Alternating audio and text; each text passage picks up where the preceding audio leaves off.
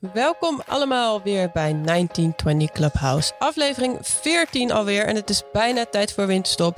Maar we zijn er nog eventjes en we gaan het hebben over alle... Ja, nee, niet alle, maar wel veel Champions League wedstrijden. Een aantal andere wedstrijden. Heel veel goed nieuws, mooie leakers, mooie promo, filmpjes. Van alles en nog wat. Dus laten we snel beginnen met aflevering 14. Yes, hallo daar, daar zijn we weer. Ja, en nu op afstand, hè? Weer midden in de lockdown. eh. Ja, voor ons ook alweer een tijdje geleden. Nou, niet zo heel lang geleden. Voor het laatst toen ik op Curaçao was. eh. maar nu voelt het toch wel gek om, wat is het, eh, een klein een tien minuutjes op afstand te zitten. ja kruipend is het 10 minuten inderdaad. Met de ik scooter ben 3. 1,63 hè, dus... eh, nee, maar ehm, ja, gisteren natuurlijk de persconferentie vanuit het, het torentje eh, door Mark Rutte. Ja, dat was wel even weer eh, kloten, om het maar gewoon eh, zo te benoemen. ja, met letterlijk de deur in huis te vallen. Ja, ja het was, het Het is gewoon niet... eh, was natuurlijk allemaal wel al... Kijk, het was een, ja, een onhoudbare situatie. Ik denk dat we daar ook wel gewoon over eens zijn. Weet je, met de cijfers ook, hoe dat eraan toe ging. Iedereen die een beetje deed alsof eh, corona niet meer bestond. Ehm, zo ervaar ik het ook wel een beetje in Amsterdam de laatste tijd. Dat mensen toch wel wat lakser eh, omgingen met de regels. Ja, en dan is het gewoon shit. Er is geen ander woord voor. Nee. Ja, het is wel echt even, even kut gewoon, hè. Nou ja, dat zal iedereen wel eh, zo voelen. Maar goed, eh, we houden de moed erin. En we houden de moed er zeker in, omdat er heel veel mooi nieuws is te delen. Dus eh, laten we daar vooral lekker doorheen gaan lopen. Ja, eigenlijk wel, meteen een ontroerend eh, onderdeel is Jennifer Beattie. Natuurlijk speelster van Arsenal en het Schotse nationale team. Die een heel openhartig interview gaf over haar borstkanker. En dat vond ik wel heel erg ja, krachtig en ontroerend tegelijk. Ja, het was het, nou ja, in eerste instantie ook gewoon heel heftig. Hè? En dat interview was ook best wel een emotioneel interview. En los daarvan, ik bedoel, zeker als vrouw zijn, als je dan ziet hoe zo'n speelster hier ja, per ongeluk eh, bij een zelftest een knobbel voelt. Of nou ja, per ongeluk. Ik bedoel, het is ongelukkig ook. Maar ja, gelukkig dat ze er snel bij was. Laten we het zo eh, misschien positief Mm. proberen te stellen. Eh, maar ook gewoon in een hele nare periode natuurlijk. Het is nooit fijn als je dit soort nieuws krijgt, maar dan ook nog in oktober, ver weg van familie en vrienden. En hoe ze dat dan ervaren heeft. En dat ze dan ook heel emotioneel vertelt. Weet je, dat ze uiteindelijk ook heel veel kracht heeft gehaald uit haar teamgenoten die er heel goed hebben opgevangen. De staf van Arsenal die er heel goed hebben opgevangen. Ehm, dat de teamarts ook meeging met haar naar de afspraken bij dan, ik neem aan, de oncoloog. Om ook de vragen te stellen die gesteld moesten worden. Omdat zij zelf ook zoiets had van, wat nu? Mm. Nou, heel, eh, heel heftig. En dan wel heel mooi om te horen dat ze gewoon eh, ja, goed opgevangen is. Weer, eh, ja, ik zou niet eens zeggen op de weg terug. We hebben er vorige week, of afgelopen weekend eh, er wel gewoon weer zien staan. Ja. En ik vind het hartstikke moedig. Nou, moedig is misschien niet het juiste woord. Maar ook gewoon aan de ene kant ehm, ook heel fijn en heel goed dat ze dit verhaal vertelt. Ja, precies. Want dat is ook wat ze zelf eh, eh, heel erg wil benadrukken nu. Hè. Zij, zij was er vroeg bij en dan kun je inderdaad gesprekken van eh, ja, geluk bij en ongeluk in, in die zin. Maar dat is ook wat ze benoemt. Ze wil jonge meiden er bewust van maken dat, je, ja, dat iedereen het kan krijgen. En dat het gewoon goed is om jezelf vaak te checken. En, en, en dat het altijd kan gebeuren. En zij had dit absoluut niet verwacht. Ze is topsporter natuurlijk. En dan heb je al het gevoel van niet snel dat je lichaam je in die zin in de steek laat. Dus dat benoemde ze ook. Maar eh, ja, heel, eh, heel ontroerend allemaal. En ook eh mooie actie van Manchester City en Arsenal. Die beide met warming-up truien en shirts liepen. Waar BT nummer 5 op stond. Dus dat vond ik een heel mooi gebaar. Ja, en krachtige beelden ook, hè? Ja, zeker weten. Ehm, dus ja, Dus weer shout-out. ja, shout-out. eh, gesterkte de komende tijd. Want ze zal nog wat eh, therapie krijgen ook. En eh, ja, dat gaat allemaal door. Dus ehm, hopelijk komt ze er goed uit. Ja, we hebben al vaker over haar gesproken de laatste tijd. Sherida Spitsen, ze komt natuurlijk naar Nederland, naar Ajax. Maar ze had nog wat prijzen te winnen in Noorwegen. En dat deed ze. Ze pakte de dubbel. Dus dat is fantastisch nieuws. En natuurlijk niet alleen Sherida Spitsen speelt daar. We hebben het vanwege de Oranje winnen over haar. Maar ook Maruska Waldes, onder andere bij FC Twente gespeeld, speelde daar en heeft dus ook de dubbel gepakt. En uh, daarbovenop uh, hebben zij beide bij hun club uh, opleiding gedaan tot UEFA B, de coachopleiding. Die hebben ze afgerond, dus dat is ook heel erg mooi. Spitsen en Waldes gaan samen allebei weg. Spitsen dus naar Ajax en Waldes gaat weer voor een avontuur naar Australië. En dat is ook niet voor de eerste keer. Ja, mooi. Ja, toch? En top, uh, player pathway, coaching pathway. Echt, uh, ja, ja die, dit is het goede die nieuws. Gaan, wij, uh, die gaan we nog wat terugzien in, in, in, in een coachrol ja. in Nederland. Verwacht ik zo ergens over een paar jaar. Yes. Let's hope so.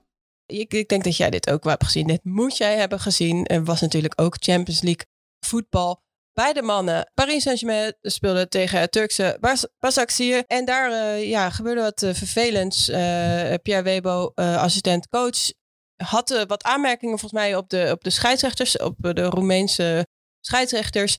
En uiteindelijk werd hij toen, ja, er werd naar hem verwezen als zijnde van in het Roemeens natuurlijk een negro. En dan, ja, hij ging natuurlijk daarna echt uh, verhaal halen van wat is dit nou? Uh, hij noemt me neger. En uh, toen was natuurlijk iedereen van de rel. En is eigenlijk zijn beide teams het veld afgestapt. En dat vond ik wel super krachtig van, van, van beide teams. Um, en de, ja, een statement waar je gewoon niet omheen kan. En waar gewoon ook vanuit de UEFA dan niet anders op kan worden gereageerd dan oké, okay, dit snappen wij en de, de rest van de wedstrijd zal worden overgespeeld met een anders, uh, met andere uh, arbitrage. Ja, en ik denk ook, kijk, vanuit de spelers is het een veel krachtiger statement dan. Um, ja, je zag ook zo op Twitter dat de teams ook ja, gepost hebben van luister, say no to racism. En dit is ook waar we het over hebben. Um, het houdt hier op. Ja. En het lijkt ook niet, het leek niet het leek niet alsof ze erover hebben getwijfeld. Dus het was gewoon heel duidelijk van, oké, okay, er is iets gebeurd. Dit klopt niet. We zijn weg. Ja. Wij spelen niet. En nou, dan hebben we heel veel voorbij zien komen over wat daadwerkelijk is gebeurd. Dat het een, ja, een, een lost in translation um, verhaal is. Ik vind het nog steeds heel raar. Want een, sorry, een vierde official zou ook niet zeggen over een uh, corpulente coach die op de bank zit. Uh, ja, het is die dikke, gooi hem eruit. Ja, als het goed is niet. Snap je? Dus dat, dat zou ook niet gebeuren. En dat is dan, uh, nou, dat is niet te vergelijken natuurlijk, dat vind ik veel heftiger. Maar ik denk dat zeker als scheidsrechters en dan op dit niveau, moet je hier gewoon over nadenken. En dit soort fouten niet maken. Ik heb begrepen dat ze inmiddels een gesprek met elkaar hebben gevoerd. Maar dan wordt het weer een één op één um, van, hey, ik ben geen racist. En oké, okay, ik snap dat je geen racist bent, maar had je niet moeten zeggen. Weet je, alsof het iets is wat aan Weibo ligt. En dit is gewoon iets wat echt, waar de UEFA ook op moet letten. Weet je, dat dit gewoon. Dat er is een bepaald soort taalgebruik wat, wat toegestaan is, wel of niet. En ik neem aan dat ze dit. Of ik neem aan, ze hebben hier gewoon protocollen voor. En dit is net buiten het boekje gegaan. Uh, als je het mij vraagt. Ja, dat, uh, dat lijkt me wel. En uh, nou ja, het was ook duidelijk. De volgende dag uh, mocht Makkeli de, de wedstrijd verder fluiten. En er werd ook uh, ge, een, uh, geknield uh, voor, voorafgaand. Dus dat waren heel duidelijke statements. En ik denk wel dat hier. ja, dat dit een, een voorbeeld is dat zal worden gevolgd in de komende wedstrijden. En, en ik hoop ook dat spelers en, en coaches en dergelijke zich vaker gaan uitspreken. Niet alleen in dit soort incidenten, maar ook als er vanuit het publiek bijvoorbeeld weer bizarre dingen worden geroepen of ge, ge, ge, ges, geschreeuwd ja, of gezongen. En, dit is ook wel een klein stukje wat het is met in, institutionalized racism.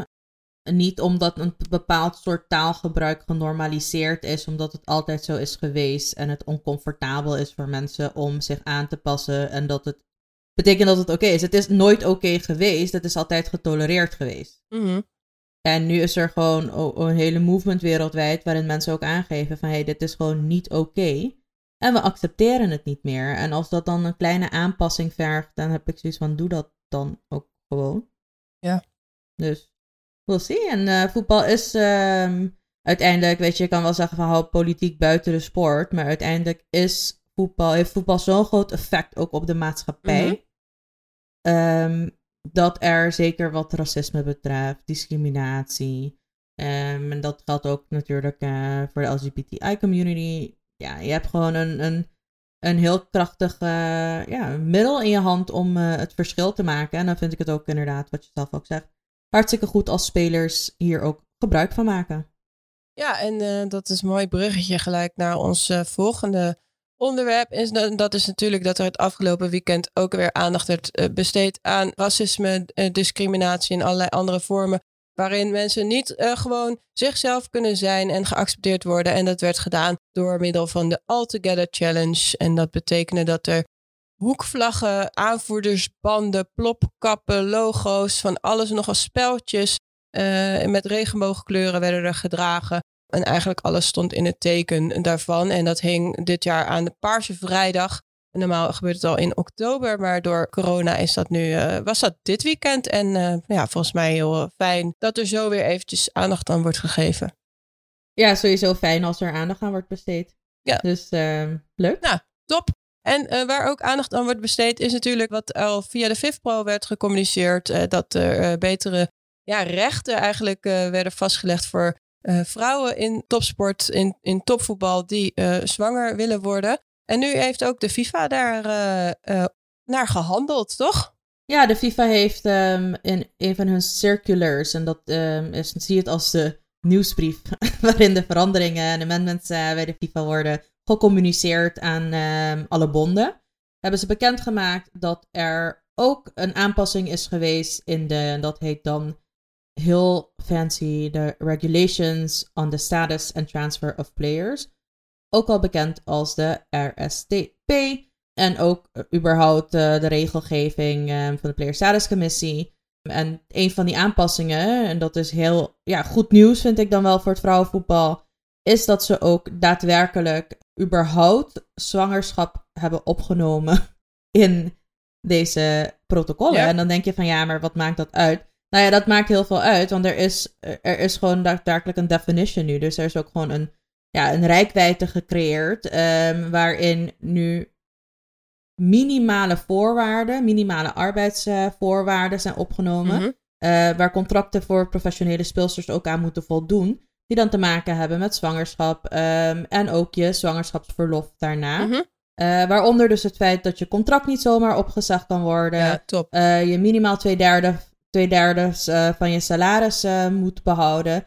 Maar ook dat je ook daadwerkelijk een, een, nou ja, wat zal ik het noemen? Een, een opportunity voor speelsters om terug te komen na hun zwangerschap. Ja, top.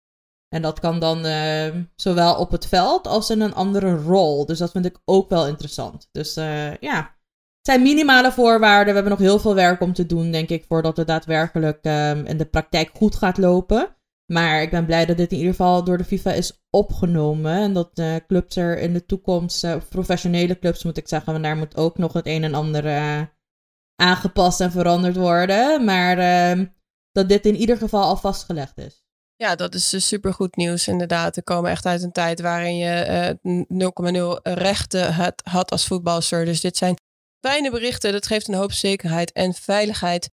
dus hartstikke goed. FIFA. En ook wat ja, supergoed is en steeds meer gebeurt, is dat er dat we verschillende uh, competities en daar de beelden uh, van kunnen vinden op ja, een soort van overkoepelende platforms. En daar zijn er nu twee van. Dat is Ata Football en dat is We United. En ja, ik vind dat er echt mega tof uitzien. Het is gewoon, uh, bijvoorbeeld Atta Voetbal kan je de Franse League volgen, de Engelse WSL, maar ook de Bundesliga.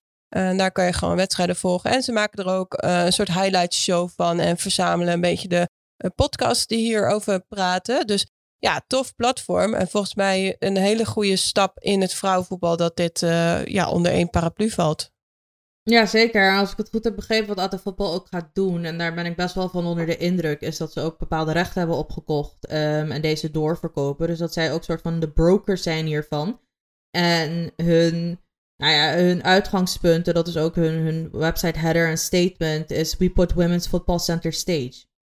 Nou ja, dat, dan, dan heb je bij al binnen hoor. Ja, hè? dus dat, dus, maar ik, ik, ik gebruik ook verschillende kanalen natuurlijk om um, zoveel mogelijk wedstrijden, want ook dat is mijn lockdown en mijn weekend uh, te kijken. En dit is super, want uiteindelijk afgelopen weekend werd dit niet alleen overal geplukt, maar het maakt niet uit welk platform ik open had. Nou ja, you name it. Soms kijk ik dus dan NBC Sports. Maar dat was, dat was ook gewoon de stream van Ata Football. En dat, ja, dus uh, ik ben echt benieuwd hoe deze partij verder gaat ontwikkelen. En wat ze nog in petto hebben. Want het ziet er tot nu toe in ieder geval heel goed uit. Ja. Ja, en het ziet er ook goed uit voor alle uh, topsportcompetities in Nederland. Want vanaf 17 december mogen deze in teamverband weer worden hervat. En dat, uh, daar werd volgens mij heel goed op gereageerd. Want tot nu toe was het natuurlijk voornamelijk ja, betaald voetbal dat, uh, dat een uitzonderingspositie had. En vanaf december, de 17e, ja, zijn er dus meerdere sporten die zich mooi kunnen gaan voorbereiden op de Olympische Spelen. En dat was denk ik ook het belangrijkste hiervan. Ja, het zou natuurlijk ook heel gek zijn. En ja, ik überhaupt, uh, we hebben het over, wat is het, acht maanden dat de Olympische Spelen alweer aanvangen. Um, we zijn nog lang niet met z'n allen uit deze crisis. Um, dus het wordt een heel, ja, heel raar Olympische cyclus, om het maar zo te noemen. Het is al met een jaar voor het eerst dat ik me in ieder geval kan herinneren, maar volgens mij voor het eerst gewoon in general dat de Olympische Spelen niet door zijn gegaan, maar met een jaar zijn verschoven. We wachten met z'n allen, denk ik, in de sportwereld ook een beetje op het vaccin en hopen dat dat een uitkomst gaat bieden. Maar ja, het, is, het was wel nodig. Ik kan me niet voorstellen dat nu voor. Zeker, kijk, we hebben nu net weer aangekondigd de lockdown gehad gisteren. Luisteraars, het is dinsdag wanneer wij opnemen. Stel dat je dan gewoon als andere teamsport niet in competitieverband had mogen doorgaan. Wat doe je dan? Ja, beetje fit blijven. Maar dat is natuurlijk op een gegeven moment ook wel klaar. Uh, je moet wel een soort van perspectief hebben om naartoe te kunnen werken. Dus ja, ik ben vooral heel blij inderdaad voor alle andere sporten die nu weer uh, door mogen gaan. Zolang het uh, veilig is en de veiligheid kan worden gewaarborgd. Want dat blijft natuurlijk wel een belangrijk, ja, belangrijk voorwaarde. Ja, dat moet ook wel. En ja, ik ben er nog steeds een grote voorstander van. Ik weet, unpopular opinion, maar daadwerkelijk ook gewoon een strenge bubbel met z'n allen. Weet je, zeker de sport gezien uh, en dan eventjes niet kijken naar de voetbalbubbel. Want, en dat is mijn persoonlijke mening, dat vind ik ook niet echt een bubbel. Ik snap het, iedereen doet natuurlijk zijn best met... Uh, we moeten gewoon roeien met de riemen die we hebben. Maar ja, ja, ik hoop dat het nu ook wel echt een groot verschil gaat maken. No matter hoe vervelend dat voor ons allemaal is dat we thuis zitten. Want dat betekent ook voor de sporters die dan hun sport gaan bedrijven uh, dat ze überhaupt minder, minder, in contact komen met uh, andere mensen. Dus laten we ja, hopen dat het inderdaad op een veilige manier kan gaan. Ja, en we hebben jullie beloofd om je op de hoogte te houden van de strijd die Zlatan Ibrahimovic is aangegaan met de FIF Pro. Want hij vroeg zich af, ik heb nergens voor getekend om mijn rechten te verkopen voor het spelletje uh, FIFA. Hoe zit dat? Want ja, waar zijn die centen en hoe zit dat eigenlijk? Hoe wordt dat verdeeld? Nou, toen kwam er een heel uitgebreid artikel dat eigenlijk uh, de FIFPro sinds jaar en dag, wil ik bijna wel zeggen, uh, heeft besloten dat zij, ongeacht dat, er niet, dat niet alle voetballers en voetballers daadwerkelijk lid zijn van de FIFPro, zij wel de tussenpartij zijn om de rechten van al deze personen te verkopen. En daar krijgen ze echt bakken met geld voor. Ja, to the point waar ze ook konden investeren, toch? Ja, er zijn heel wat uh, pandjes uh, blijkbaar van uh, gekocht. Zeker in de beginjaren. Dat werd geïnvesteerd in vastgoed. niet al het geld zijpelde dus door zoals wij vorige keer dachten dat dat gebeurde. En niet alles zijpelde door naar de spelers die, ja, waar het uiteindelijk wel om draait in die spelletjes. Ehm, maar er werd gewoon geïnvesteerd in pandjes en dat waren er niet heel weinig. Dus dat kwam allemaal even boven via een artikel, volgens mij in het NRC, wil ik zeggen. Maar uh, ja, uh, interessant. Dus ik, ik denk dat Slaat dan uh, hier niet heel veel minder boos van wordt. nee, kijk, hij heeft ook een platform om hier daadwerkelijk iets over te roepen. Um, en ik bedoel, we hebben het wel gewoon over Slatan Ibrahimovic. Hè? De man die op het moment dat hij naar Galaxy ging, een advertentie in de krant in Los Angeles heeft laten praten met Los Angeles, you're welcome. Dus ja, dus ik, ik, kan, ik kan me in deze soap ook geen betere naam uh, bedenken, weet je, die dit uh, had kunnen oppakken. Mm -hmm. uh, neemt niet weg dat de FIFPro natuurlijk ook wel gewoon veel goed werk doet. Maar dit op deze manier, ik denk dat de voetbalwereld in een zodanige... eigen economische sfeer ook, want laten we het, het is een biljoenenindustrie, terecht is gekomen, ehm, dat je dit soort grapjes niet meer kan uithalen. Nee, het is dus nu wachten tot er een uh, andere partij zegt, nou, hier gaan wij even bemiddelen en uh, dat komt goed. Ja, en laten we ook gewoon heel eerlijk zijn. Ik bedoel, zeker als het een juridische strijd gaat worden, kan het zomaar jaren duren voordat er daadwerkelijk uh, iets mee gedaan wordt. En wat de FUFPRO eigenlijk heeft aangegeven is, jongens, als je kijkt naar hoeveel spelers we hier uiteindelijk van zouden moeten betalen, gaat het misschien om honderden euro's en niet duizenden, laat staan miljoenen. Maar daarin denk ik dat er ook wel gewoon groot onderscheid gemaakt kan worden tussen de grote spelers en de wat uh, iets minder bekende spelers. Dus we'll see. Ja. In ieder geval, uh, ja, legal porn. Ja, dit is leuk om uh, te blijven volgen. dus mocht er een update komen, dan laten we het jullie natuurlijk weten hoe deze strijd verder gaat. Tof ook, afgelopen week kwam Arsenal wederom met een heel tof filmpje. Waarin ze eigenlijk een soort van ja, toen en nu uh, heen en weer een filmpje maakte. Waar Danielle van der Donk en Viviane Miedema onder andere ook in aan het shinen waren. Echt mooie acteurs waren het. En ik heb echt genoten. Ja, ik vond het echt top hoor. Ja. Ja, en, maar überhaupt, zeg maar, de hele manier waarop deze video is geschoten was zo ontzettend creatief. Weet je, ik bedoel, ik doe nu even heel stoer alsof ik de 80s, de jaren 80 daadwerkelijk ook heb meegemaakt. En niet uh, twee jaartjes als baby. Maar ja, dit was toch gewoon de hele vibe van deze video. Geeft je toch ook gewoon, ja, brengt je gewoon helemaal in de moed om Arsenal uh, te gaan volgen weer. Dus, uh, en eventjes vanuit een equality standpunt. Ze hebben zowel de mannen als de vrouwen gebruikt. En niet apart voor de vrouwen een filmpje gemaakt. En apart voor de mannen een filmpje. Gewoon tof, toffe promoclip. Speelsters en spelers. Weet je, evenveel aandacht gegeven. Evenveel respect gegeven.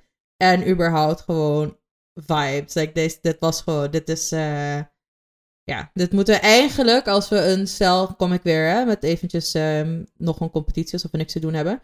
Stel dat er een, echt een video challenge zou moeten worden, heeft deze hem eigenlijk stiekem al gewonnen. Ja, ja ik vond die vorige al met dat derde, derde shirt al echt fucking lijp. Maar deze was nog net even wat toffer en grappiger en ja, ik zat er ook gewoon helemaal in. Dus uh, ik uh, ja, ben wederom onder de indruk van Arsenal. Die doen dat echt wel als een van de grote voorbeelden in de voetbalwereld. En ja, we hadden hier al eventjes over de, uh, de natuurlijk alle verkiezingen. de FIFA Best. we gaan het straks nog eventjes hebben over de speelsters die in de top 3 staan. Maar hier alvast de coaches die we terugzien. En dat is Emma Hayes, vaak besproken in onze podcast. Jean-Luc Vazeur, Olympique Lyon. Maar natuurlijk ook Sarina Wiegman. Woehoe! Yay! Stemmen. Nee, top. uh, ja, stemmen. Iedereen met z'n allen op Sarina stemmen. Um, alhoewel Emma Hayes, als je opeens spontaan Nederlands hebt leren spreken en dit verstaat en begrijpt, We still love you, girl. Maar dat mag je dan nog. Als, ze, als, ze stemmen naar Maar dit is mooi. Als ze Nederlands begrijpt en dan iets in het Engels zeggen. Ja, maar als het opeens spontaan doet en spreekt. Ik weet niet wat ze in haar vrije tijd doet. Ja, precies. Maar dat je dan zegt, we still love you, girl. Dan moet je dat ook in het Nederlands zeggen. Ja, maar kom op, ik kom er een beetje tegemoet. Het is al moeilijk genoeg om te volgen wat ik aan het zeggen ben. ik vond het wel heel grappig. Maar goed, uh, mooi rijtje uh, van coaches. En um, wat ook mooi is, dat er een nieuwe opzet van de CONCACAF is. Uh, dus er zullen meer wedstrijden uh, ja, van topniveau gaan worden georganiseerd. Zo wil ik het even samenvatten. Maar ik denk dat jij beter weet hoe we dit kunnen uitleggen aan de luisteraars. Um, ja, nou, ik was hier in ieder geval heel blij mee. Zoals jullie je kunnen voorstellen en voornamelijk omdat de, het vrouwenvoetbal in de CONCACAF region is. En voor degenen die dat niet weten, de CONCACAF is de variant van de UEFA, maar dan even heel makkelijk uitgelegd um, voor het Caribisch en Latijns-Amerikaans gebied. En wat we in het verleden zagen, en dan zag ik wel Latijns-Amerikaans, maar dat is niet helemaal waar, want ook een deel van Noord-Amerika zit erin, want zowel Canada, USA, um, ook deel van de CONCACAF, maar daarnaast ook Mexico, Costa Rica, uh, Jamaica, die we hebben gezien afgelopen, op het afgelopen WK. Uh, en wat we in het vrouwenvoetbal in de CONCACAF hebben meegemaakt, is dat je voornamelijk de sterkhouders hebt die er altijd vandoor gaan met alle, nou ja, ik wil niet eens zeggen toernooien, maar even US soccer in vrouwenvoetbal is gewoon de power force. En dan heb je de rest van uh, de regio waar er niet zo heel veel aan het gebeuren was. En nou, ik ben zelf op Curaçao opgegroeid. Het verhaal kennen jullie inmiddels. Niet kunnen voetballen omdat er ook gewoon geen structuur was.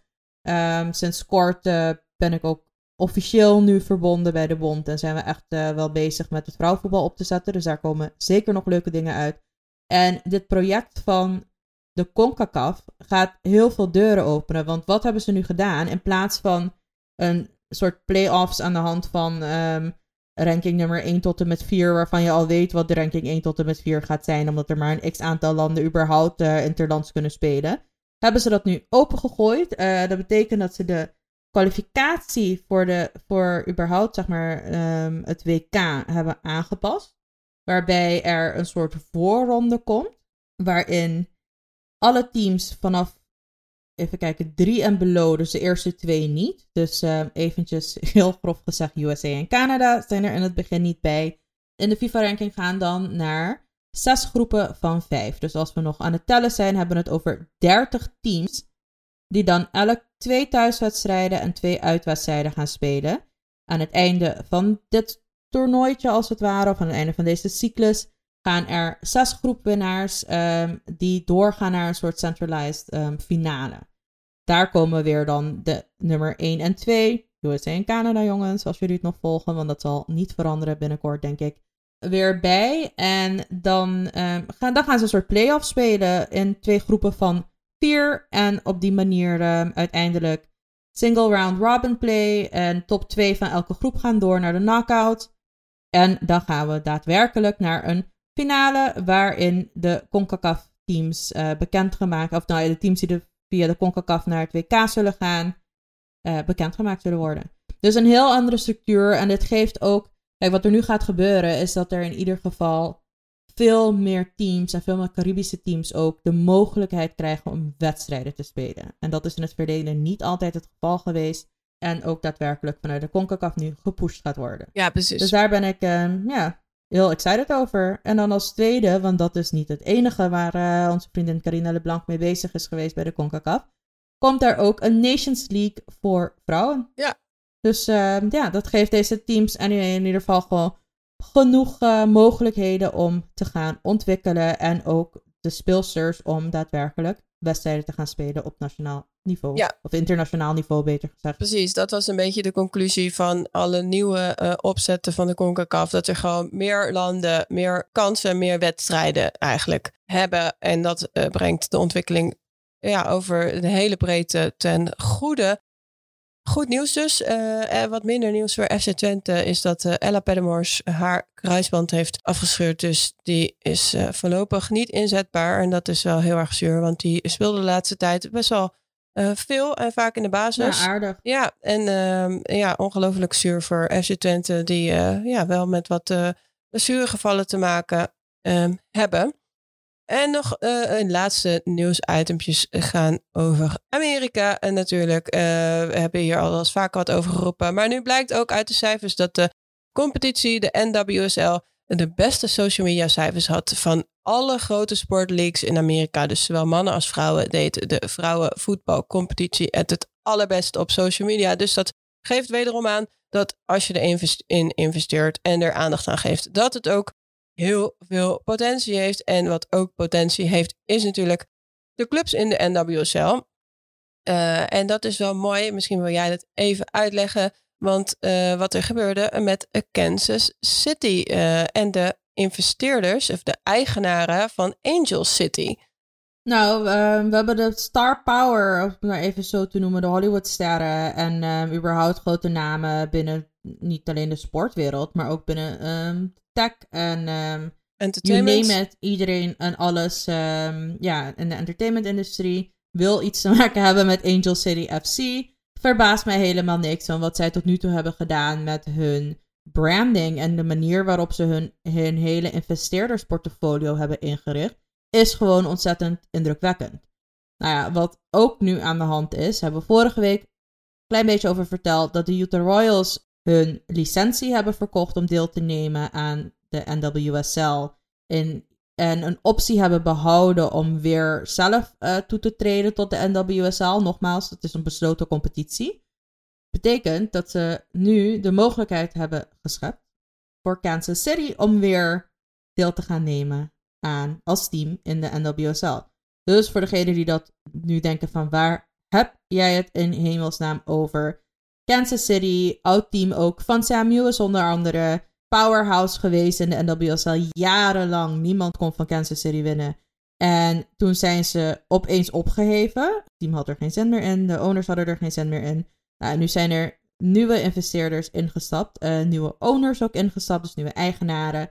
En Angel City heeft daar ook een rol in gespeeld. Want die hebben geholpen en ook gezegd van, kijk jongens, dit is hoe wij het hebben aangepakt met onze investeerdersportefeuille. Uh, voor jullie ook um, een idee om misschien dit te proberen, misschien dat te proberen. En het is ze gelukt. Ze hebben nu twee uh, nieuwe eigenaren voor het team. En het ziet er in ieder geval goed uit. En ze gaan toch wel een beetje een, wat zal ik het nu noemen? Het Angel City schabloon gebruiken om uh, ook Kansas City aan te gaan pakken. Dus ik ben benieuwd. Ja, precies. Top. Dat is ook iets waar we vaker omroepen. Ik denk dat solidariteit in uh, vrouwencompetities hard nodig is om het algehele niveau van de competitie te laten groeien, maar ook te waarborgen. Dus dit zijn hele goede berichten. En ik denk dat ik, ik hoop dat in meerdere landen dit echt wel van effect kan zijn.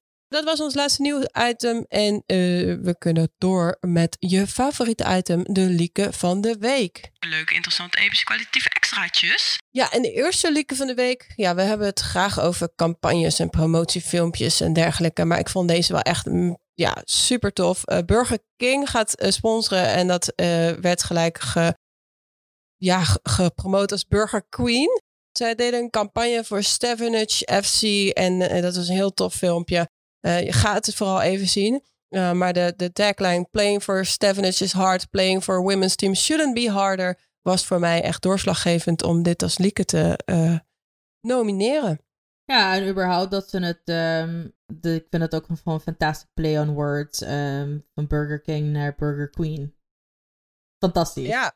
Fantastisch. Zo simpel kan het zijn en zo goed kan het werken. Dus uh, hou dit vooral lekker in de gaten. Een heel mooi voorbeeld. En wat ik ook heel mooi vond, is de tweede lieke van de week. En dat was het promotiefilmpje van eh, PSV-vrouwen eh, voor de wedstrijd PSV-Barcelona. Dat vond ik ook echt tof om te zien hoe ze dat in elkaar hebben gezet. En daar echt ja, een mooi gevoel al in, in opriepen. En volgens mij had iedereen na het zien van het filmpje heel veel zin om die wedstrijd te gaan kijken. Ja, zeker. En ook een mooie instapper toch voor PSV voor het eerst in de Champions League. En dan meteen ook met, de krachtig, met krachtige content komen te back up. Um, als we het vergelijken met waar PSV was twee jaar geleden, alleen al vergeleken met wat ze nu aan het doen zijn, ook op social media, maar ook op het veld, is het echt wel petje af voor PSV. Ja, zeker weten. En petje af ook voor Antoine Griezmann. Hij heeft eigenlijk aangegeven dat hij zijn partnership met Huawei uh, heeft gestopt. Huawei wordt ervan uh, verdacht eigenlijk om, van verdacht dat zij gezichtsherkenningssoftware ontwikkelen en testen en eigenlijk om de onderdrukking van de Oeigoeren in, in China ja, te, ja, te faciliteren bijna. Want die gezichtsherkenning zou dan echt zijn om Oeigoeren te herkennen en ze zo eigenlijk uh, ja, uh, door de politie uh, onder de aandacht te brengen. Het is vreselijk als je opzoekt wat daar in China gebeurt met de Oeigoeren. Ze worden ongelooflijk onderdrukt en worden in, in echt vreselijke, ja, ze noemen het heropvoedingskampen. Nou, het zijn gewoon het is een soort genocide. Het is vreselijk. Uh, hier, wil je de, uh, hier wil je niet bij betrokken zijn. Dus heel veel respect voor, voor Griezmann. Want dit is ook een statement. Uh, ja, dit zou nog veel meer in het nieuws moeten zijn dan dat het nu is. Want dit soort statements betekenen echt wat. Ja, en dan geef je ook aan als speler, wat we ook eerder al aangaven, weet je, dat je je platform ook gebruikt om um, minderheden in welke vorm dan ook. En dan niet alleen minderheden. Ik bedoel, wat er nu gebeurt, het is ook een humanitaire kwestie. Het is niet iets waar we zomaar uh, kunnen zeggen van, oh ja, nou ja, vervelend wat er daar aan de hand is. Nee, dit, dit kan gewoon niet.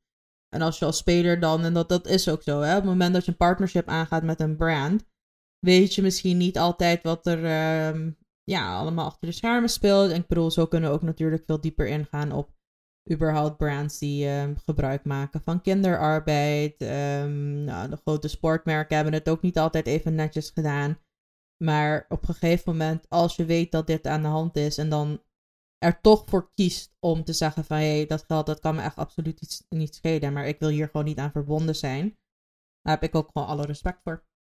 Ja, zeker. En eh, eigenlijk uh, kan wij zo in ons volgende item. En dat is natuurlijk de This is not normal. This is not normal. Ja, de eerste This is not normal is uh, misschien goed als jij die even uitlegt. Want er was volgens mij een, een team in Spanje dat, ja, dat eigenlijk in, in een soort staking ging.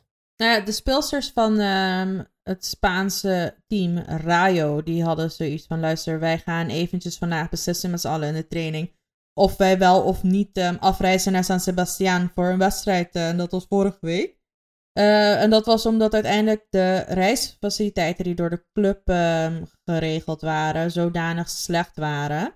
Dat je echt, dit is dus waar we het over hebben als we het hebben over, het is leuk dat je een protocol uh, opstelt en uiteindelijk een CAO, maar als je niet aan de minimale voorwaarden kan voldoen, of daarmee een beetje sjoemelt, dat het ook niet gewoon oké is. Um, waardoor ja, er altijd even best wel goed naar minimale voorwaarden moet worden gekeken. Maar dat is een verhaal voor een ander keer. Maar in dit geval hebben ze ook foto's genomen van de sportmaaltijd die ze werd aangeboden. En dat was nog net niet uh, een stukje oud brood met een plakje ham erop gesmeten. Uh, het zag er allemaal heel onsmakelijk uit. En los van dat het er onsmakelijk uitzag, is dit ook gewoon niet hoe je om moet gaan met je speelsters. Als je wil pretenderen dat je meedoet aan een professionele competitie als prof, profteam. Um, dus uiteindelijk ook toch wel weer de Power of Unity um, dat de speelsters uh, dit naar buiten hebben gebracht. Dus laten we hopen dat daar ook daadwerkelijk verandering in komt. Ja, heel goed. En de tweede, This is not normal, gaat over Qatar. Uh, er wordt natuurlijk al ongelooflijk veel gesproken over het feit ja, dat we daar een wereldkampioenschap gaan spelen. En of we daar heen moeten als land zijn. nou, er is veel over gezegd. Uh, er zijn veel mensen die daar uh, wat van vinden. Uh, wij vinden daar natuurlijk ook wat van. Maar nu blijkt, blijkt uit bronnen dat Qatar ook nog eens mee gaat doen eigenlijk om de WK-kwalificatiewedstrijden te hosten. Ze willen tien wedstrijden volgens mij faciliteren voorafgaand aan het toernooi. En dat vind ik ook interessant. Ja, kijk, het is ook moeilijk om je uit te spreken hierover. Dus dat snap ik ook wel. Ik heb er ook best wel wat uh, woorden voor over. Uh, en uiteindelijk kunnen we met z'n allen naar Qatar kijken als land en Qatar als voetbalbond. En daar onze conclusies uit trekken. Uh, Qatar doet volgens mij ook mee als gast ehm, tijdens de Gold Cup in 2021. dus dat is ook wel weer interessant. Ze zijn gewoon als bond dat voetbal gewoon heel erg aan het pushen. Natuurlijk ook niet gek op weg naar het WK wat er daar allemaal aan het gebeuren is, jongens. En dat de FIFA dit gewoon toelaat. En onze eigen bond zoiets heeft van, nou ja, we hebben het geprobeerd, maar hm. Dan vind ik het ook wel moeilijk. Want het is aan de ene kant Qatar, Qatar, Qatar, Qatar. Maar aan de andere kant, weet je, die voetbalbonden, die vinden het ook allemaal gewoon prima. Dus waar gaan we dan het verschil in kunnen maken? Ja, precies. Want iedereen uh, uh, en ook de KNVB is uh, best wel uitgesproken in van hè, dat dat toen toegewezen is aan Qatar. Ja, dat is een fout van toen geweest. Hè, maar dan kunnen we niet meer, ja, we kunnen dat niet meer ontdoen. hoe zeg dat? Terugdraaien. Dus we hebben er maar mee te dealen. Ja, we spreken wel over of we wel of niet moeten gaan, ook met andere landen. Nou, het lijkt er gewoon op dat iedereen wel gewoon gaat. Maar het feit dat er dan dat dit soort dingen, wat je net ook benoemt met, bedoel, met de Gold Cup, dat dat dan ook weer wordt gefaciliteerd en geaccepteerd. Dat is natuurlijk gek. Dan moet je niet zeggen van ja, maar toen zat er een ander bestuur en daar kunnen we niks meer aan doen. En vervolgens alle volgende opties wel gewoon weer met beide handen aangrijpen. Want het gaat nou eenmaal gewoon over geld. Dit gaat allemaal over geld. Ja, het gaat ook, het gaat ook over geld. Maar dan is dus dan de vraag, kijk, zolang de FIFA en dat is eventjes vanuit een sportpolitiek gezien. Hè. Zolang de FIFA het WK, want het WK is uiteindelijk een product van de FIFA. Mhm. Right? Dus zolang zij dit, nou, ze hebben het toegezegd toen der tijd, prima. Maar nu ook, je gaat niet de bond afstraffen. Snap je wat ik bedoel? En uitsluiten, dat, dat, dat, dat gaat niet gebeuren. Want zo zijn er nog meer bonden die allemaal rare shit uithalen. Waarvan we dan ook zoiets hebben van, nou ja, we kijken naar links, we kijken naar rechts. Uh, en het bestuur Mhm. kan best zijn dat er nieuw bestuur is. Maar uiteindelijk heeft het ook met het land Qatar te maken. Waar gewoon de mensenrechten ehm, gewoon slecht geregeld zijn. Ja. En mensen uitgebuit worden. Ja. Weet je, dus in hoeverre we dat dan... Nou ja, de voetbalbond Qatar overal uit moeten houden. De Qatarese bond. Qat- Whatever dat eh, afgekort zou moeten zijn. Of dat we zoiets moeten hebben van luister jongens, je, gebruik dit ook op, als een mogelijkheid om ehm, überhaupt je wetgeving in het land te veranderen. Wat we met Iran ook hebben gezien. Het is dan toch ook gewoon absurd hoe dat is gegaan met Iran en vrouwenrechten. Dat we met z'n allen wel Iran zijn blijven uitnodigen. Ja. Dat is dan ook gewoon doorgegaan. Dus het is niet. eh, En er zijn ook wel heel wel best wel wat onsmakelijke dingen gebeurd. Ook in de westelijke hemisfeer eh, met bonden. Mhm. Dus de voetbalwereld is ook gewoon niet een hele kosheren wereld. En we moeten het met z'n allen even opknappen en eh, elkaar heel scherp inhouden. En uiteindelijk heeft dat inderdaad allemaal met geld te maken. En dan vraag ik me af in hoeverre we dat alleen aan Qatar kunnen wijden. Of dat we ook vraagtekens moeten stellen bij het EK wat er in... Of WK was dat toen ook, hè? Wat er in Rusland is Mhm. geweest. Ik bedoel, guys, heel even. Dit, Yep. het is gewoon allemaal niet... eh, Geen zuivere koffie. Nee, dus eh, Nee, en het is, eh, kijk, Qatar is nu een soort van makkelijk om daar eh, je kritiek op te hebben. En, dat, en ik vind ook dat we daar kritiek op moeten blijven hebben, want het zijn dingen die je veranderd moet willen zien. Eh, en ja, dan moeten we kijken hoe, hoe kun je dan voetbal gebruiken om dingen te veranderen in een land. Maar ik zou wel eens kijken naar wat zijn de voorwaarden voor een bid. Daar hebben we het ook al vaak over gehad. Ja, aan wat voor mensenrechten moet je dan als land voldoen om überhaupt hier aan mee te doen? Dat zou een mooi, een mooi eh, statement kunnen zijn. Maar goed, daar wordt vast ook over nagedacht. Ik bedoel, de, eh, ja, de bonden willen denk, denk dit soort dingen, lijkt mij, niet iedere vier jaar mee hoeven eh, maken. Dus nee, en zeker niet, ehm, niet op deze manier hoe het is gegaan. En laten we nog, ik bedoel, los van het relaas wat ik net heb gegeven, ehm, laten we wel gewoon even serieus hebben dat het wel gewoon over mensenrechten gaat. En dat altijd op de eerste plek moet staan. precies. En eh, wie ook op de eerste plek had moeten staan. Nee, we gaan door naar de derde This is not normal. En dat is natuurlijk de FIFA Best Top 3. Want waar is Vivianne Miedema en welke idioot heeft bedacht dat zij niet in de top 3 hoort te staan? Welke, even serieus, welk blind paard verzint dit? Nou ja, überhaupt sowieso de, de of überhaupt gewoon sowieso de Wendy Renard Club, toch?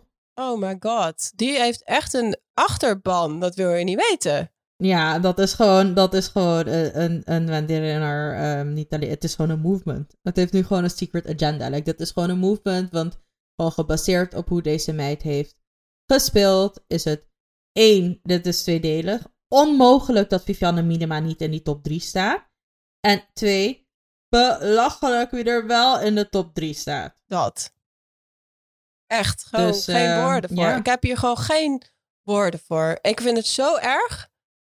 Nee, Maar zullen we het anders in de plaats van de FIFA Best Top 3 noemen? Of nou ja, de FIFA Best, laten we het anders gewoon de FIFA Popular noemen. Ja, maar dat is het toch ook gewoon. Dat is, en, en, en dat geldt ook voor de mannen top 3. Het gaat gewoon over populariteit. En er zit er één tussen waar je daadwerkelijk gewoon niet omheen kan.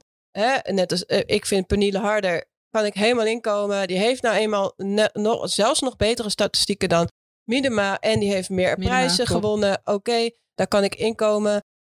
Maar zowel bij de mannen als bij de vrouwen slaat deze hele top 3 nergens op. Echt hoor, echt gooi het maar weg. Kijk er niet meer naar. Laten we alsjeblieft eh, mensen die het met ons mee eens zijn een alternatief hiervoor bedenken. Want wat is dit vreselijk? Ja. Oké, ah, dat is ook weer van mijn hart. Gelukkig. We kunnen door. Ja, ik, ik dacht ik hou het gewoon even lekker kort, hè. Anders zijn we hier gewoon 45 minuten, denk ik, kunnen we wel gewoon een hele erge aflevering eh, voor indelen. Over hoe oneens we zijn met eh, de manier waarop dit eraan toe gaat. Ja. Maar ja, het is helaas niet anders. Nee. Nee, eh, we kunnen eindelijk gaan praten over de Vrouwen Champions League. Want we hebben natuurlijk PSV en Ajax gezien tegen Barcelona en Bayern München. De thuiswedstrijden. En eh, ja, zullen we beginnen met PSV? Ja, let's. Let's, we hebben het net al over het filmpje gehad, dus eh mooie... Nou ja, PSV natuurlijk. eh, het werd 1-4. Eh godzijdank wist Joelle Smits nog een mooi doelpunt eh, te scoren. En dat was nog even voor de eer was het uh, mooi. ehm, maar ja, Barcelona in fases van de wedstrijd zagen we denk ik eh, het Barcelona dat we kennen. Maar ik vond echt dat ze PSV nog gewoon best wel eh, het zadel in hielpen. Ja, ze waren ook gewoon heel slordig. Maar dan zie je ook wel weer de klasse van dit team. En slordig spelen en nog steeds de wedstrijd gewoon naar hun hand draaien. En het was op een gegeven moment werd het ook een wachten op uh, de score die geopend ging worden. En dan kijken hoe hard het zou toeslaan. 1-4 is nog knap gedaan van PSV. Eerste wedstrijd ooit in de Champions League. Met een vrij jong team ook. Uh, missen wat speelsters. Ja, kijk, kijk, at the end of the day. Ik vind dat PSV het heel knap heeft gedaan. Ik denk dat er ook wel echt, en dat zeg jij ook, mogelijkheden waren om. Um, omdat Barcelona echt wel slordig was. Ja. Ja. En als er wat scherp, als PSV daar ietsje scherper op had. Um, en daar, ik bedoel, dat zal in de returnwedstrijd zal Barça daar ook wel wat aan doen, denk ik, vermoed ik. Maar ik had niet het gevoel dat deze meiden 100% uh, on top of hun game waren. Of überhaupt uh, 100% hebben gegeven. Het leek ook echt alsof ze een beetje een ja, een leuke wedstrijd aan het spelen waren met z'n allen. Ja, en uh, Sandra Panjos uh, deed uh, wat we van haar verwachten. een paar gekke fratsen. Altijd, het is toch altijd wel weer Deze zo. wijze, is echt, ze, ze, ze, ja. ze schoot hem net niet in eigen doel. Dus daar was niks geks aan, aan wat we niet van haar kennen. Dus ja, ik, ik, ik vond het leuk. Ik vond het mooi van, van PSV om ze voor het eerst in de Champions League te zien. Het was ook leuk om Lieke Martens weer uh, te zien. Ja, ik vond haar echt goed. Uh, nog, nog steeds niet uh, op, op haar aller, aller, allerbest, maar fantastisch doelpunt natuurlijk. Echt, Sari kon er alleen maar naar kijken als ze hem al had gezien. En het was gewoon leuk om, om deze twee teams tegen elkaar te zien. En vanavond, als deze podcast weer online is, zien we natuurlijk de return. Dus gaan we, ja. gaan we zien hoe PSV stand houdt. Ja, en daarbij moeten we het ook toch wel even wat credits ook aan de jonkies van PSV. Die toch wel, um, nou ja, zomaar even een paar van de toch wel de beste speelsters ter wereld voor zich hebben gekregen. En zich uiteindelijk ook wel gaan staan hebben gehouden. Los van de slordigheid en wie er was. Je merkt ook wel toch wel wat ja, nervositeit, uh, wil ik bijna zeggen. Maar ik vind dat ze het ja, best wel knap hebben gedaan. Hè? Ja. Ik bedoel, dit zijn niet de cijfers. Ze hebben niet met 11-0 verloren. Nee, precies. En ook nog dat tegendoelpunt was uh, goed uitgespeeld. Levos uh, gaf een prachtige bal op uh, Smits. En die deed natuurlijk ja, wat ze altijd heel goed doet. En die legde hem gewoon netjes in het net. Dus dat was een fijn, ja, fijn doelpunt van PSV. En Ajax speelde natuurlijk tegen Bayern München. En dat was eigenlijk tof om te zien dat, uh, dat Ajax zo goed stand wist te houden uh, tegen Bayern. En ik vond Bayern, uh, ja, fysiek, tempo, dat lag gewoon dat was hoog. Maar uiteindelijk, ze speelden het niet bijzonder goed uit of zo. Het was niet dat je denkt, nou weet je, dit, dit, dit tactische niveau ligt echt ver boven, boven Nederland. Dat was het helemaal niet, zeg maar. Nee, maar het leek ook gewoon dat Bayern niet echt in hun flow zat. Want je zag in de tweede helft wel dat ze er echt een een tandje bij uh, hebben gezet. En heel eerlijk gezegd, als Bayern speelt zoals we ze ook tegen een Wolfsburg hebben zien spelen. Uh, ja, dan krijg je een heel ander spelbeeld dan wat we hebben gezien afgelopen week. Dus het leek ook alsof ze. Bijna alsof ze eigenlijk een klein beetje hadden onderschat ook. Ja. Um, maar uiteindelijk vind ik niet, uh, vond ik het niveau van Ajax niet echt vergelijkbaar met dat van Bayern. Ook heel veel slordigheden bij Ajax.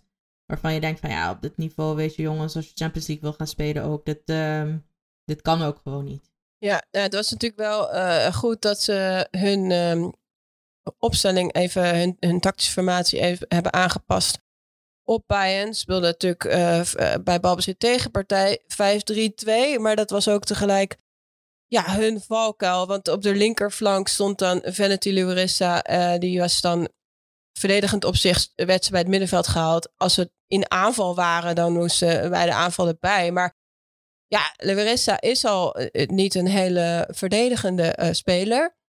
Houdt ze volgens mij ook niet echt van. Dus is, ik, ik noem haar wel eens lui als het over verdedigen gaat. Dan had je daarna, daar achter haar staan Jonna van der Velde. Die natuurlijk een ja, met name aanvallende middenvelder is. Ze kan op alle middenveldposities uit de voeten. Maar zij stond daar als buitenste verdediger in die linie van vijf. Dus die linkerflank was echt kwetsbaar. Zij staan beide daar eigenlijk op posities ja, waar ze niet echt tot hun recht komen. Helemaal thuis horen. Ja, ja. En, maar er is ook niet een waren ook niet heel veel andere opties. Ik zou ook niet Samantha van Diemen nu al daar op die, die positie hebben gezet, bijvoorbeeld. Dus ik snap, ook, ik snap de keuze, maar ik snap ook dat dat wel ja, Ajax heel kwetsbaar maakte. En dat er, daar ontstond ook uiteindelijk een doelpunt uit. En je zag in de tweede helft wel duidelijk dat er veel Ajaxiden er helemaal doorheen zaten. En toen niet meer de druk en het verdedigende werk konden uitvoeren wat er nodig was.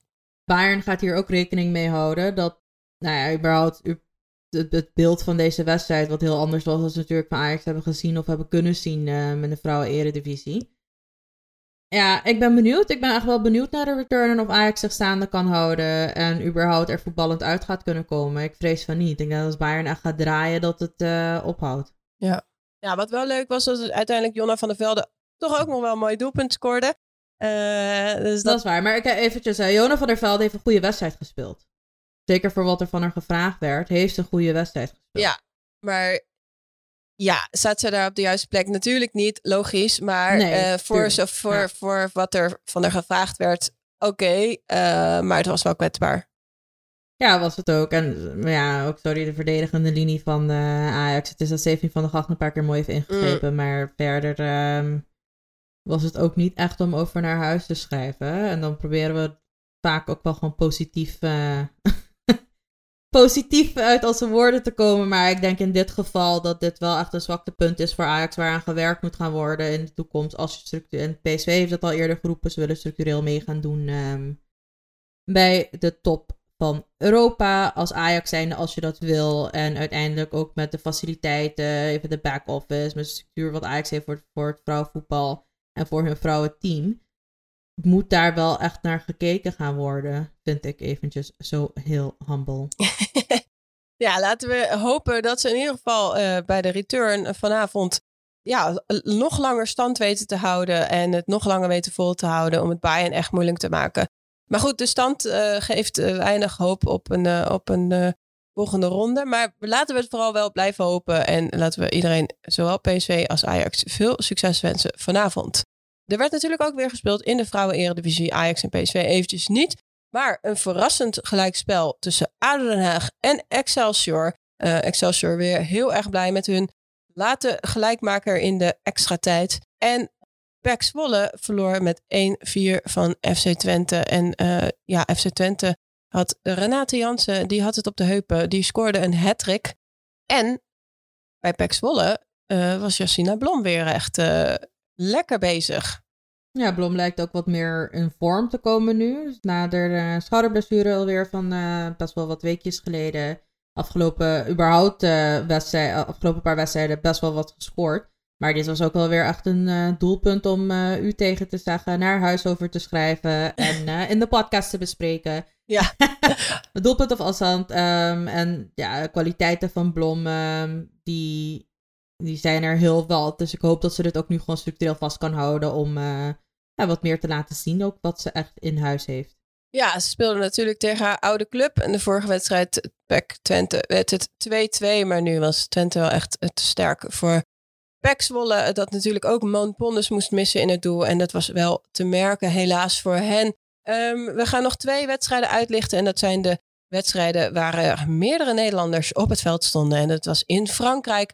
Want daar speelde Katja Snoeis tegen Anouk Dekker en Ashley Weerde. En Katja Snoeis deed het heel goed. Ze scoorde een mooi doelpunt. Uh, gaf een assist en was ook Women of the Match. Woman of the Match.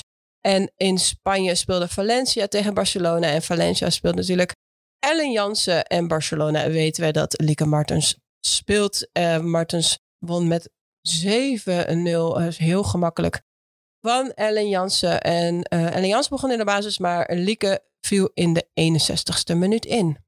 En dan hebben we het niet gehad over, um, ik had deze nog opgeschreven ergens op een post-it um, note. Want uh, we hebben het niet gehad over Atletico Madrid uh, in de Champions League. Nee, vertel even. Met twee doelpunten. Ik ga het en niet dan, zeggen hoor. Ja, gaat, gaat mijn... Oh, nee, je gaat het niet zeggen. Met een fantastische assist, dames en heren, van uh, onze Braziliaanse vriendin Ludmila. Op Dena Castellanos, die ook, uh, nou ja, een favoriet van mij uh, horen we vaker. dus een mooie link-up, helemaal happy mee. Ehm, die haar eerste Champions League goal ook scoorde. En Atletico won heel makkelijk en zal deze week, eh, denk ik, ook niet, nou ja, het niet laten liggen. Dus dat komt wel helemaal goed. Ja, dus Atletico Madrid uh, speelde met Merel van Dongen in de basis. Um, heeft volgens mij ook de hele wedstrijd gespeeld. Uiteindelijk uh, 2-4 gewonnen van een Zwitsers team, Genoise GR. Ik zal dat vast en zeker niet goed uitspreken. Vergeef ons uh, iedereen.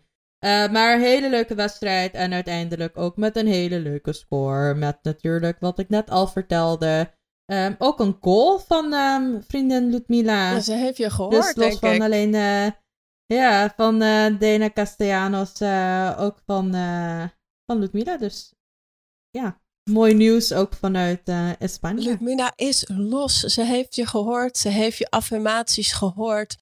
Goed nieuws voor Atletico Madrid. En ze, ze wist gewoon, kijk, ze wist gewoon niet dat we bijna birthday buddies waren. En op het moment dat ze dat wist, had ze zoiets van, nou, het is nog december. Ik Mm. kan hier gewoon nog wat aan doen. Mhm. Um, en ik ben gewoon blij dat deze affirmations um, ja, toch wel uh, aan het helpen zijn. Ook voor deze speelsters. Weet je, dan dragen wij ook een beetje bij. Want um, we gaan, het staat niet uh, gepland uh, in onze outline. Maar ook Sam Kerr heeft weer gescoord afgelopen weekend. Dus het werkt helemaal. December, the month to remember. En hoe is het met Rachel Daly? Uh, dat is een hele goede vraag. Ik heb Rachel Daly eigenlijk gewoon een beetje... Links laten liggen. Ja, verwaarloosd afgelopen week. Zo maar jammer. ja, links niet. Dat is echt... Ja, het is echt... Uh... Rachel, sorry, maar op je verjaardag hebben we al best wel wat aandacht uh, aan je besteed natuurlijk. Dus ik kan het niet allemaal hebben, meid. Maar afgelopen week voor ons, denk ik, en luisteraars voor jullie, zal het deze week ook net voor de winterstop niet anders zijn. Heel veel wedstrijden geweest. En uh, Lee, je hebt net al de platforms benoemd ook waar Champions League te volgen is. Ga dat ook echt kijken, want het is heel leuk voetbal. Ik heb echt, denk ik, uh, behalve een, wandelingetje om, nu in de lockdown zal dat ook niet heel anders zijn, helaas. Want we zitten binnen, dus als je toch binnen zit. Dit zijn echt de wedstrijden in het vrouwenvoetbal om met heel veel plezier naar te kijken ook teams te volgen en te zien die je normaliter niet uh, zo 1, 2, 3 voorbij ziet komen. Ja, ik weet, heb jij nog uh, wat, wat, uh, ja. wat woordjes hier voor de luisteraars om hier ik ben wel... toch wel wat aandacht aan te gaan besteden? Nou ja, ik, misschien moet je heel even iets vertellen over Juventus Olympique Lyon. Want dat was wel best wel een spannende wedstrijd in de Champions League afgelopen week. Oké, okay, even, oh, laat me heel even kijken wat Rachel Daly heeft gedaan. Hoor. Nu voel ik me gewoon schuldig opzichte van van arme Rachel Daly. Nou, goed nieuws. Zijn jullie er klaar voor? Nou. West Ham won afgelopen weekend met 0-4 van Bristol City. En ook Rachel Daly scoorde. Dus gewoon eigenlijk is het eigenlijk ja, de beste week uit mijn podcastcarrière geweest. Denk je ja, niet? daarom, daarom vroeg ik het ook. Hoe was het met Rachel Daly? Want volgens mij... Uh ja, hier kunnen ze bijna niet overheen. Nee, ik denk dat dit echt, uh, weet je, like if we go out, like dit is gewoon het moment nu. Gaat niet gebeuren, jongens, geen paniek. we zijn er nog. Zullen er ook nog uh, voorlopig zijn. Als jij de FIFA was, dan had je ze alle drie in je top drie gezet. Um, nee. weet je waarom niet? Ja, ik weet wel waarom niet. Nee, maar goed. Uh, in ieder geval op een top plezier. We hebben Vivianne Miedema ook uh, zien scoren afgelopen weekend. Um, Wel zien verliezen. Arsenal, Man City. Ja, en ook zien verliezen. En uiteindelijk um, zullen we daar niet te veel woorden aan kwijt zijn. Behalve dat Sam Lewis het bij Man City hartstikke goed deed. Op een gegeven moment over Jill Roord heen bulldozde. Dat je dacht van wow meid, doe even voorzichtig. We hebben er nog nodig uh, volgend, Ja, maar wacht even. Want Of een paar weekjes. Even. Heel even hier over dit moment. Ja, oké. Okay, Sam Lewis is een beest. Maar Jill Roord. Ik heb er uh, dit seizoen veel bejubeld. Maar wat ze hier deed en vooral haar reactie. Ik zie echt niet iets raars gebeuren. Behalve een normaal duel. Jill Roord die valt eigenlijk, maar blijft daarna echt veel te lang. Ik vind dat ze echt veel te lang blijft liggen, alsof er iets aan de hand is. En Mewis kan gewoon lekker door met de actie. En die schiet die bal net naast. Maar wel dat ik dacht, ja, nee, nu moet je even gewoon eerst even gewoon opstaan en vechten in plaats van dit. En dit is het verschil tussen Mewis en een Jill Roord. Ja, ik denk dat het überhaupt het verschil is tussen mentaliteit, uh, wat we bij de Amerikanen hebben gezien, uh, vergeleken met überhaupt andere landen. Want dan houden we het niet even op Nederland. Mm. Maar Sam Lewis heeft wel echt uh, heeft dus de power gehad. Om, het is niet alleen dit spelmoment dat ze Roord omver heeft gelopen. Ze dus dat Roord het gewoon heeft geprobeerd. En op een verkeerd moment. En als je dan inderdaad blijft liggen, is dat wel handig. Want voor hetzelfde gat schiet ze weer in. Ik bedoel, Danielle van der Donk heeft het ook al eerder uh, dit seizoen meegemaakt met het klagen. En uiteindelijk uh, een doelpunt tegen, omdat je zo druk bezig bent met je klacht in te dienen bij de scheidsrechter. En het spel gaat gewoon verder. Maar wat vond je er uiteindelijk van? Man City terecht gewonnen, terecht sterker dan Arsenal? Uh, moeilijk te zeggen hoor. Ik, uh, ik, ik, ja. Sam is sterker dan Arsenal. ja, dat hè. Dat, maar dat vooral. Want ik vond, um, ik vond Man City nou ook nou niet bepaald een hele goede wedstrijd spelen. Ik vond ze allebei dat ik dacht van ja, het is het net niet. Weet je, jullie zitten allebei net niet op je niveau. Nee, nee en daar kan uh, Manchester United nog wel eens uh, goed gebruik van gaan maken. Zeker weten. En het wordt nu ook gewoon steeds spannender in de WSL. Uh, en daarbij ook, we hadden het er net over, de Jill Roord, die toch wat vertrouwen krijgt van de coach. En um, ik vind het ook wel opmerkelijk dat, dat we Danielle van der Donk op de bank steeds vaker ja, ik ook, ja. zien beginnen. Ja, zonde. dat moeten we natuurlijk niet hebben in aanloop naar de Olympische Spelen dat Danielle van der Donk structureel wissel gaat zijn. Dus ik hoop dat zij haar plekje weer weet te veroveren. Ze viel natuurlijk wel gewoon weer in, gelukkig. Um, ja, dit zijn eh, een beetje de, wedstrijden die we wilden bespreken. Wilde jij nog iets over Olympique Lyon tegen Juventus kwijt? Oh ja, dat, uh, daar gingen we het over hebben voordat uh, ik het over Ludmila wilde hebben natuurlijk. Uh, geen spijt van dat we toch wel een segue hebben gemaakt. Want Lee dacht dat ze hem er eventjes uit ging laten. Maar eventjes Ludmilla Forever vooralsnog. Uh, Ludmilla Forever met een klein sterretje erboven. Want vooralsnog. Maar goed, back to waar we het over hebben. Juventus Olympique Lyon. Wat was dat een leuke wedstrijd in de Champions League vorige week. We hopen deze week natuurlijk ook weer. Uiteindelijk Olympique Lyon toch te sterk voor Juve. Maar wat hebben ze goed gespeeld. Uh, uiteindelijk gewoon tactisch ook uh, Olympique Lyon wat moeilijk gemaakt. Echt ook met een, ja, een strijd en een passie gespeeld. Uh, waarvan ik eventjes dacht van, oh mijn god, ze gaan dit gewoon voor elkaar krijgen. Mm Ze gaan gewoon winnen.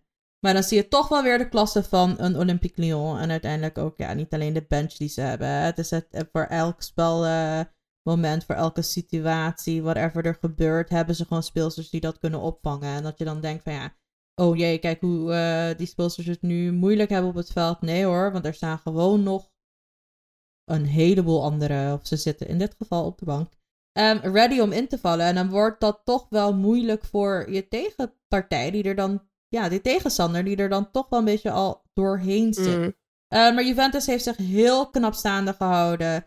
En niet alleen staande gehouden, ze hebben ook daadwerkelijk gevoetbald. Uh, ook echt runs kunnen maken en ja, hun spel uh, kunnen laten zien tegen Olympique Lyon. Die misschien ook wel had verwacht dat ze met z'n allen op hun eigen helft gingen staan. Maar if anything, om jullie een beeld te geven van hoe de wedstrijd is gegaan, uh, stond Olympique Lyon voor het eerst, voor mij in ieder geval, een hele lange tijd. Uh, op eigen helft in bepaalde momenten. Dat ik dacht, wow, wat, dit is gewoon onwennig. Dit is gewoon even een error moment voor mij. Van wat gebeurt er hier? Kijk ik wel naar de goede wedstrijd. Dus heel leuk. Um, ik heb in caps lock een paar WhatsApps uh, naar Leon gestuurd van oh my god, kijk wat er hier aan het gebeuren is. En ik wil bijna zeggen, maar het is ook wel gewoon uiteindelijk terecht, dat Olympique Lyon ja, toch wel de winst naar zich toe heeft gehaald. Maar heel excited om te zien wat uh, er deze week gaat gebeuren. En los daarvan ook voorspelt dit gewoon goed nieuws voor het vrouwenvoetbal, toch? Dat een Juventus nu uh, vergeleken met nog niet eens zo heel lang geleden, waar Juventus echt uh, door alles en iedereen uh, van het veld af werd gespeeld. Uh, door structurele investeringen. Ja. En um, überhaupt investeringen van niet alleen de clubs, maar ook de Italiaanse bond. Er nu zo, ja, voor, wat, hoe zal ik dat zeggen? Dat ze er nu in ieder geval goed uit de voeten kunnen, ook tegen topteams zoals de Olympique Lyon. En niet 0-11 verliezen, zoals we dat ook wel eens hebben zien gebeuren. Ja, en uh, dat is dus leuk dat we alle returns kunnen zien uh, gisteren en vandaag uh, vooral weer de Nederlandse clubs. Dus veel plezier allemaal weer met kijken naar onze toppers. En dat brengt ons natuurlijk bij het laatste item. En dat zijn de transfer-updates. Want Scandinavië, daar zijn de competities inmiddels afgelopen. En dat brengt een hoop transfers met zich mee. er wordt bijvoorbeeld gesproken over Emily Sonnet, de Amerikaanse international. er zijn een aantal geïnteresseerde teams uit Europa. En dan en met name uit Engeland en Duitsland. Dus er zijn wat gesprekken gaande. Dus het is nog even afwachten naar welk land en naar welke club ze gaat. Maar ik denk dat we haar hier nog wel gaan zien terugkomen. Ja, dat denk ik ook wel. En uh, het zou me niet verbazen als we haar ook, um, zoals uh, Little America, ja. Tegenwoordig uh, WSL ook wel een nickname, wat niet helemaal terecht is. Maar oké, um, dat we er wel in Engeland zien opduiken. Ja, ja, en nog een aantal uh, wijzigingen in uh, Scandinavië. Johanna Kanerit van Rosengard naar Göteborg. En dan hebben we nog Jenna McCormick, Australisch international, gaat van Betis terug naar Melbourne City. En dan hebben we nog Anna Koivunen. Zij gaat naar Linköping en dat is een keepster van 19 jaar. En dat zijn de laatste transfer-updates die we jullie kunnen melden. Ja, voor nou, want de winterstop komt eraan. Is ook wel, dat is in het vrouwenvoetbal niet altijd uh, een hot timing, maar misschien nu juist ook wel, omdat er in de zomer niet heel veel transfers zijn geweest. Grapje jongens, we hebben heel veel transfers besproken. Maar wel benieuwd of er in deze transfer window, ook in het vrouwenvoetbal, het een en ander zal gebeuren. We zullen vast ook wel speelsters uit de Scandinavische competities um, zien verkassen, aangezien de competitie daar nu ook gewoon tot het einde is gekomen. Dus in ieder geval um, houden we jullie op de hoogte. En ik denk dat uh, wij sowieso nog één aflevering volgende week opnemen voor onze eigen winterstop. Dus um, ja, volgende week horen jullie ons weer. Ja, ik ging zeggen live, maar dat is helemaal niet waar. Semi-live. Semi-live, ja. Yes, leuk dat jullie hebben geluisterd weer naar ons. En tot volgende week. Tot uh, snel.